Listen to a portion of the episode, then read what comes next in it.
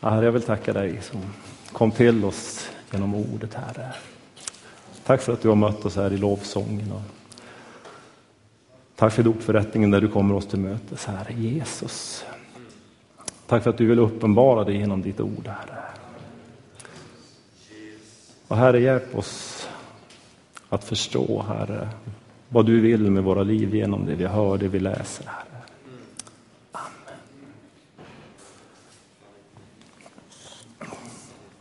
Ja, vi har redan hört två korta predikningar här idag. Ja. Bekännelsen i dopet. Nu blir det en kanske lite längre predikan. Känns lite ovant att stå så här utan att ha gitarren eller pianot eller något framför sig. Men... Och jag har månadslön så jag kan inte ens predika på ackord. Att, eh, eh, men jag har den här. Och jag tror att den kan slå an en, en ton i alla fall. Ifrån himlen. För att det är Gud som har sagt det. Den här månaden så är temat Jesus i hemmet. Och jag satt och googlade på ett uttryck.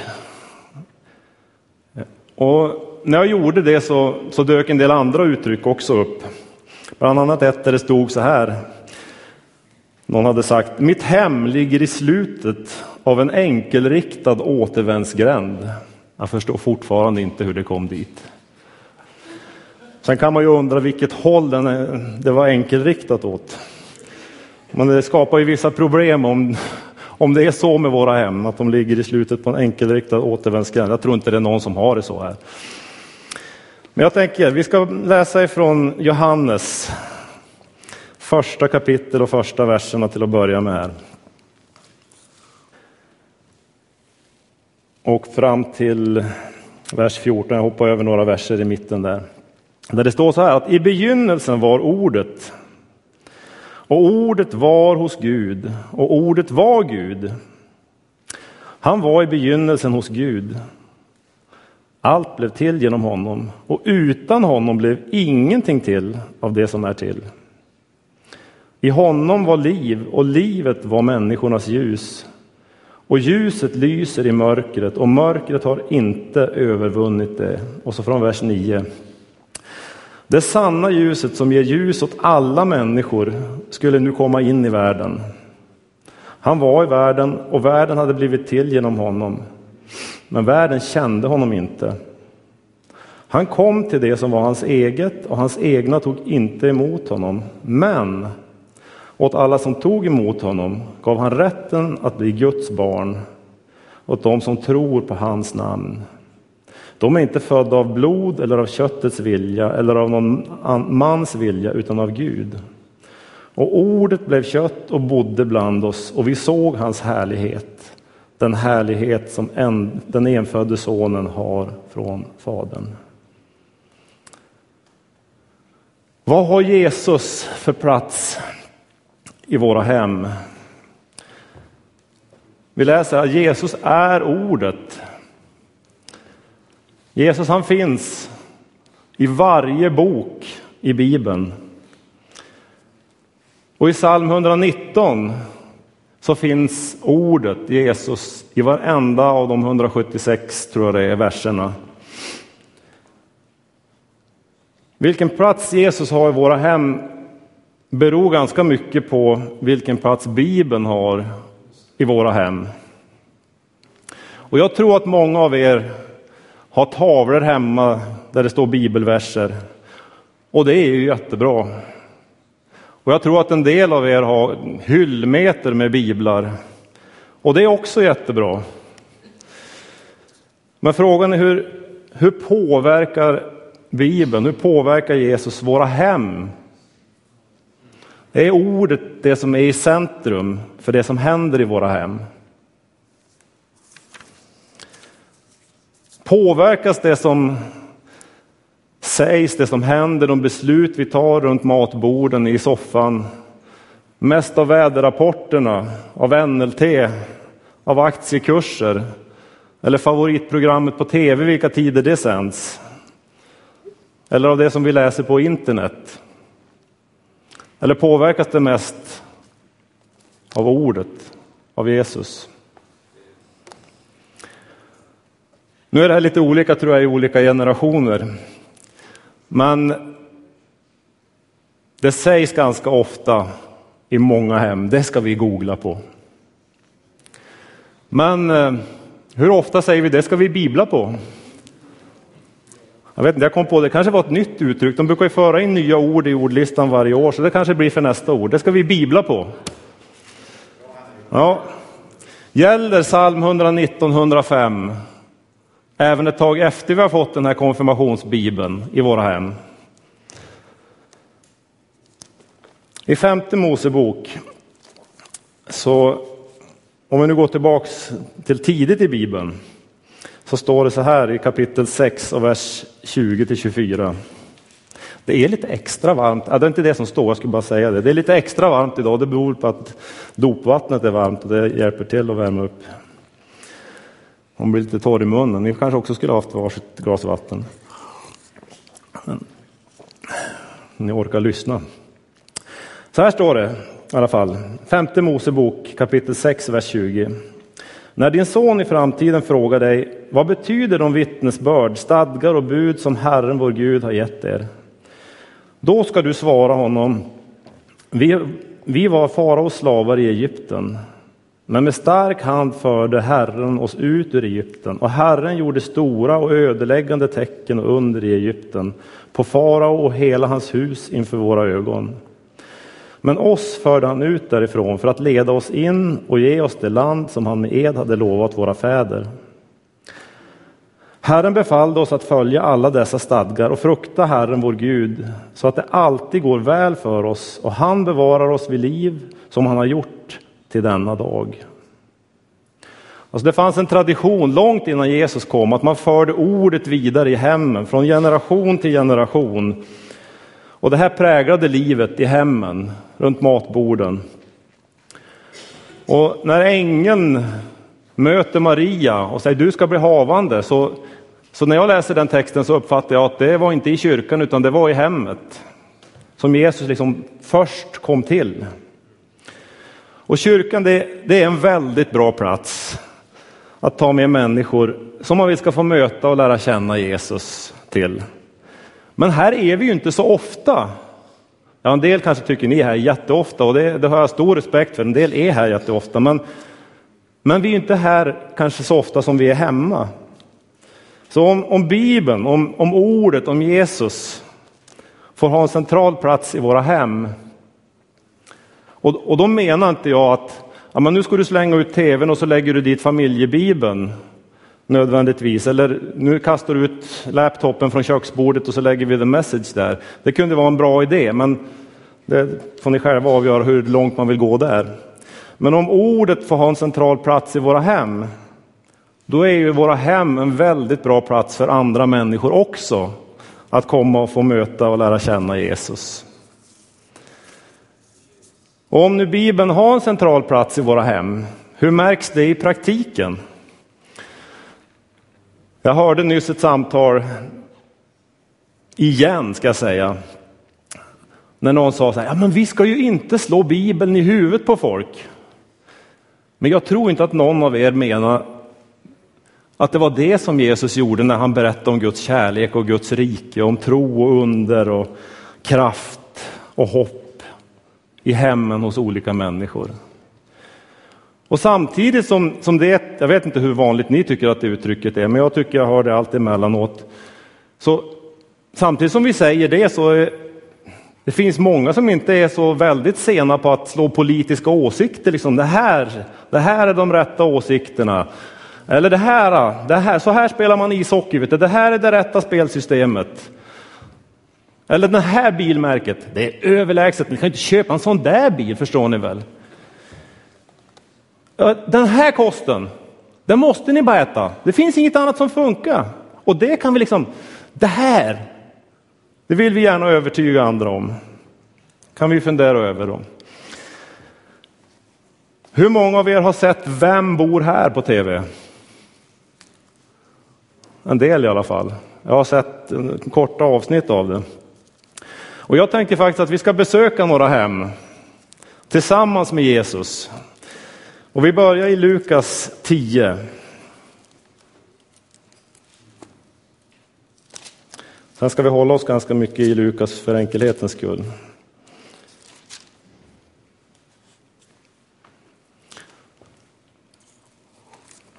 Från vers 30... Försvann det nu? Nej. Från vers 38. Medan de var på väg kom Jesus in i en by och en kvinna som hette Marta tog emot honom i sitt hem. Hon hade en syster, Maria, som satte sig vid Herrens fötter och lyssnade till hans ord. Marta däremot var upptagen med alla förberedelser och hon kom fram och sa Herre, bryr du dig inte om att min syster har lämnat mig att sköta allting själv? Säg till henne att hon hjälper mig. Herren svarade henne Marta, Marta, du bekymrar dig och oroar dig för så mycket, men bara ett är nödvändigt. Maria har valt den goda delen och den ska inte tas ifrån henne. När vi hade bön här innan gudstjänsten så, så läste Torbjörn någonting ifrån en andaktsbok och berättade. Och jag tyckte det var en så bra bild. Här kommer Jesus hem. Och om vi tänker på, och det som han, Torbjörn berättade var om det här mötet med med kvinnan vid brunnen. Hon var tvungen att gå till brunnen för att få vatten. Och helt plötsligt var det som när Jesus, det var som att få vattnet inkopplat hemma. Och då tänkte jag på den här, ja men det här var ju det. Helt plötsligt så hade de vatten, levande vatten inkopplat hemma. Jesus var där. De behöver inte gå någon annanstans för att få livets vatten. Och så har vi det när vi har ordet Jesus hos oss. Och det står ju ingenting i den här texten om vilka förberedelser det var som Marta höll på med. Jag vet inte vad ni tänker att det var hon höll på med. Det kunde vi ha ett samtal om någon gång kanske. Och det står ingenting heller om vad Jesus sa till Maria. Men hon lyssnade till honom. Men det finns en poäng i den här berättelsen, det här som hände. Och jag tänker så här, när vi ska ha gäster, vad är det som möter dem när de kommer hem till oss? Är det en fantastisk doft av nybakade kakor eller en underbart anrättad måltid? Eller är det en atmosfär av Jesu närvaro? Förhoppningsvis är det ju både och. Men här har vi liksom Marta som var så bekymrad. Tänk att Jesus kommer hem. Guds son är på besök. Hur tänkte hon? Skulle Jesus sitta där själv? Medan de höll på att fixa. Jag tror ju alla vi skulle tycka det var väldigt konstigt. Vi var på husvisning i, i måndags och eh, jag gick runt och tittade. Och jag la märke till en sak nere i källaren på, på det huset, i eh, gillestugan. För där låg det på en bokhylla en stor familjebibel det var det jag la märke till.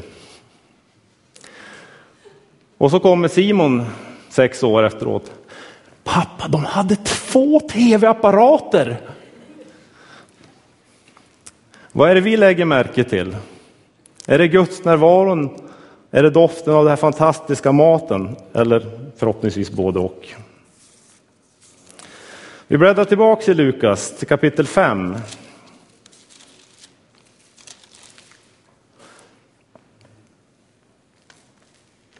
och vers 27. Sen kom Jesus ut och han såg en tullindrivare som hette Levi sitta vid tullhuset. Han sa till honom, följ mig. Då lämnade Levi allt och reste sig och följde honom. Levi ordnade en stor fest för Jesus i sitt hem och en stor mängd tullindrivare och andra låg till bords med dem. Fariseerna och deras, och deras skriftlärda kritiserade hans lärjungar och frågar varför äter och dricker ni med tullindrivare och syndare? Jesus svarade, det är inte de friska som behöver läkare, utan de sjuka. Jag har inte kommit för att kalla rättfärdiga till omvändelse, utan syndare. Det uttryck som jag skulle googla på som jag nämnde i början, det var mitt hem, min borg. Det står inte i Bibeln. Det kom till på 1600-talet någonstans i Storbritannien. Levi, Matteus, han kunde ju ha tänkt så här. Äntligen har jag en vän. Någon som bryr sig om mig på riktigt för den jag är. Nu måste jag se till att vi håller ihop och ingen får liksom komma emellan oss. Jag tar med honom hem och, och det blir bara vi. Ingen annan får vara med. Nej, han tänker så här, nej. Mina vänner måste också få lära känna den här Jesus. De måste också få komma med hem. Om Jesus är hemma hos mig, då måste de också få vara hos mig. Och han tänkte inte så här heller. Jesus, vi går hem till dig istället, det är väl bättre va? Ja, det hade ju inte funkat i det sammanhanget, för Jesus säger att han har inget hem här på jorden på det sättet. Men vilka är det som Matteus bjuder hem? Sådana som andra liksom. De där! Vem gillar dem? Syndare. Hur tänkte Matteus egentligen? Hur kunde han bjuda hem dem? Ja, men Jesus verkar gilla det. Om det är någon av er som tycker att det är fantastiskt roligt att städa upp efter andra, då får ni gärna komma hem till oss när pojkarna har haft kompisar hemma. Det, det kanske inte är så många som tycker det. Men jag tänker att sånt inte ska få hindra oss, att vi är så rädda. Liksom, tänk om något går sönder, eller tänk om soffan blir smutsig eller någonting. Så det hindrar oss att låta andra få ta del av våra faktiskt välsignade hem. För om Jesus är en del av våra hem, då är våra hem välsignade, även om vi kan tycka att det ser ut som en jordbävning hemma. I Lukas 14 och 12 så säger Jesus så här. När du bjuder på lunch eller middag, bjud då inte dina vänner eller syskon eller släktingar eller rika grannar så att de bjuder tillbaka och blir din belöning. Nej, när du bjuder till fest, bjud fattiga, handikappade, lama och blinda. Salig är du då, eftersom de inte kan ge dig någon belöning. Du ska få din lön vid de rättfärdigas uppståndelse. Kapitel 19 i Lukas, från vers 5. Det är när Jesus kommer in i Jeriko. Och där sitter Sakaios uppe i trädet. Och Jesus kommer förbi och ser upp och säger Sakaios, skynda dig ner för idag måste jag gästa ditt hem. Sakaios skyndade sig ner och tog emot honom med glädje. Alla som såg det mumlade förargat. Han tog in hos en syndare. Men Sakaios stod där och sa till honom Hälften av det jag har, Herre, ger jag till de fattiga. Och har jag lurat någon på något, då betalar jag fyrdubbelt igen. Jesus sa till honom, idag har frälsningen kommit till detta hem. För också han är en Abrahams son. Människosonen har kommit för att söka upp och frälsa det som var förlorat. Det hade inte alls varit konstigt om Sackaios hade sagt så här, du Jesus, kan du komma tillbaks ikväll eller imorgon? Jag har lite grejer jag behöver stöka undan. Har massa mm, högar med pengar och liksom så där som kanske inte ser så bra ut eller lite papper som kanske inte är riktigt rätt i bokföringen här. Nej, det säger han inte. Och Jesus han kunde ha sagt att du Sackaios, eh, vi kommer så fort vi kan. Vi måste bara fixa lite schysstare kläder. Det är ju trots allt ett väldigt fint hem vi ska till. Och så måste vi, vi måste hinna köpa någonting och ha med oss. Är våra hem öppna för spontana besök? För Jesus, för andra människor? Lukas 8. Nu blir det sista från Lukas som vi läser nu. ifrån vers 49.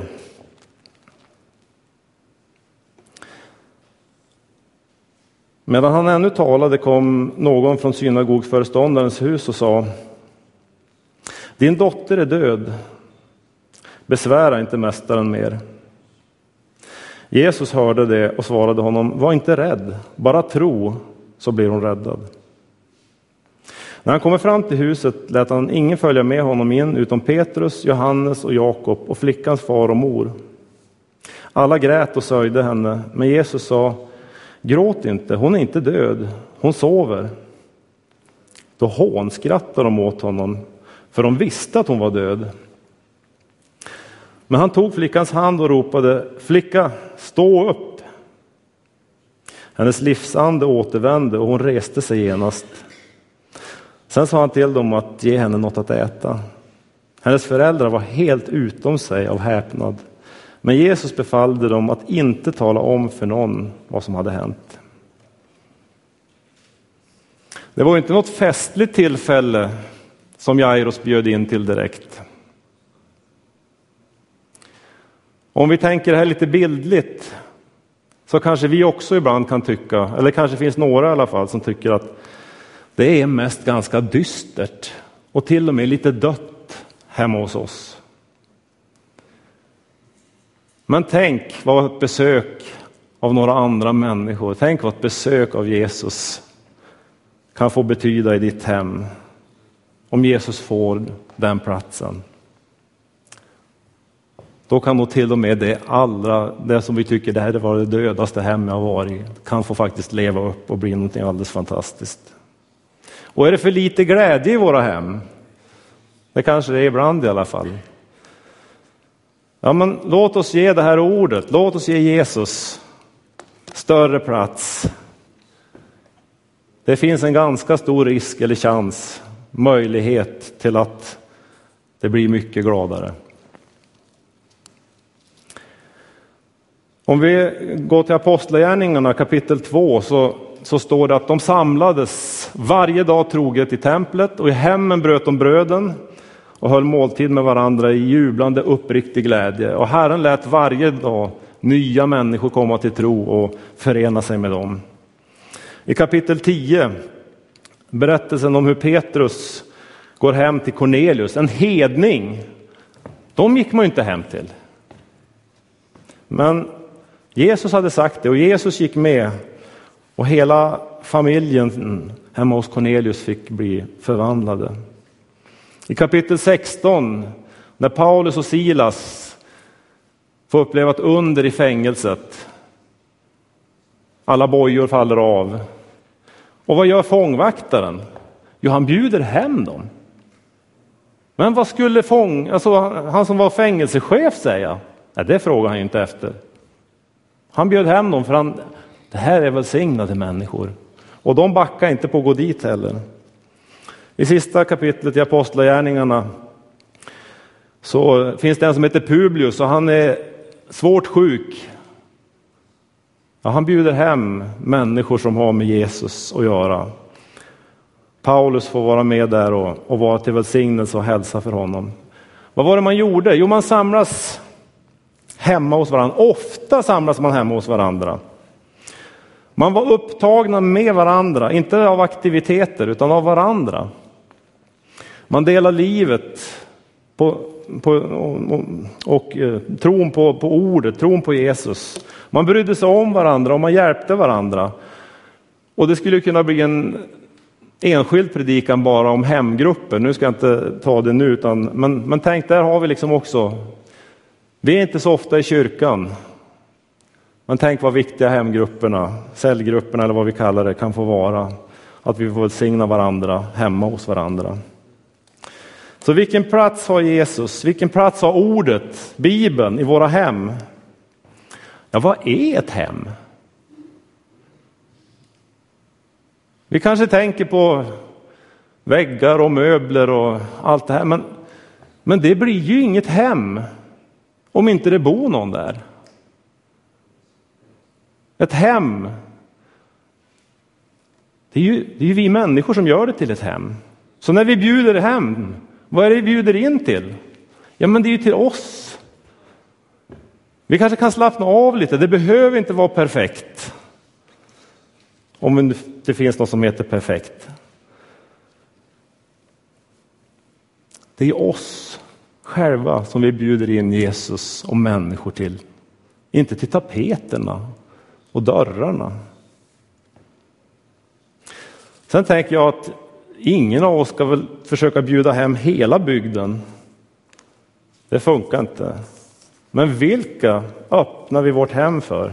Ja, först och främst förhoppningsvis för ordet, för Jesus, men sen också för andra människor.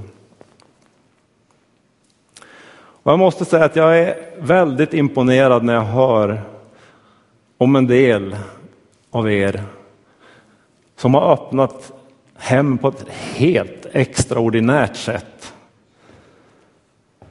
Och gett både Jesus och andra människor en enorm plats som jag känner att där ligger jag i lä alltså. Det är inte alla av oss som klarar att ha det så. Ständigt med gäster och massor av gäster. Och... Men om du gillar att fixa stora fester, så fortsätt med det. Stora fester med många gäster. Och så en påminnelse att vi har Jesus på hedersplatsen. Och då får ni fundera på hur praktiserar vi det då? Fixar du bara att öppna hemmet för en eller två personer åt gången, bara på ett glas saft och lite Mariekex? Ja, men tänk, en kvart vid ditt köksbord i din soffa, det kan ju faktiskt få betyda ett förvandlat liv för en människa. För att Jesus bor i ditt hem, för att han har platsen i hemmet, för att det här ordet har en plats i ditt hjärta, i ditt hem. Och sen allt däremellan, det här vanliga. Det behöver inte vara en, det behöver inte vara hundra, det är kanske vanligt att det är något däremellan. Tre verser till slut. Först ifrån Hebreerbrevet 13.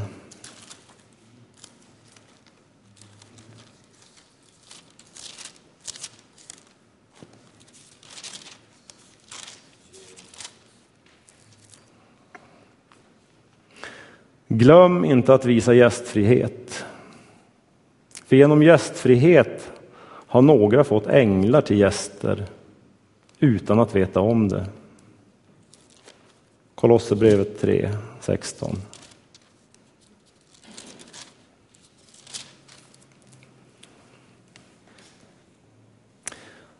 Låt Kristi ord bo hos er med all sin vishet.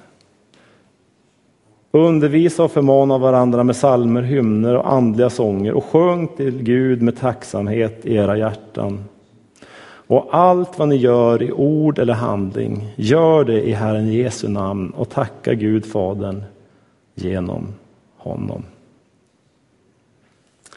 Herre, jag vill tacka dig för att du är intresserad av hur vi har det hemma, Herre. Och tack för att du inte backar på att komma hem till oss och bo hos oss. Oavsett om det är aldrig så stökigt, oavsett om det är aldrig så mycket problem, Herre. Tack för att du vill ha ditt hem hos var och en av oss. Herre, jag, jag vill be Jesus, hjälp oss att vi kan både ha öppna hjärtan och öppna hem för andra människor. För en människa eller för många de som klarar av det, Herre. Och hjälp oss att tänka på att det är ju inte till aktiviteter, det är inte till möbler, det är inte till dörrar och fönster och väggar, det är inte till liksom det vi har på så sätt som vi bjuder in, utan det är till, till oss själva och till en gemenskap där du är i centrum, Herre. Herre, jag tror att det är så vi vill ha det allihopa och jag ber att du ska hjälpa oss att det kan bli så ännu mer och välsigna var och en för varje stor eller liten gest man gör i det här hänseendet, Herre. Amen.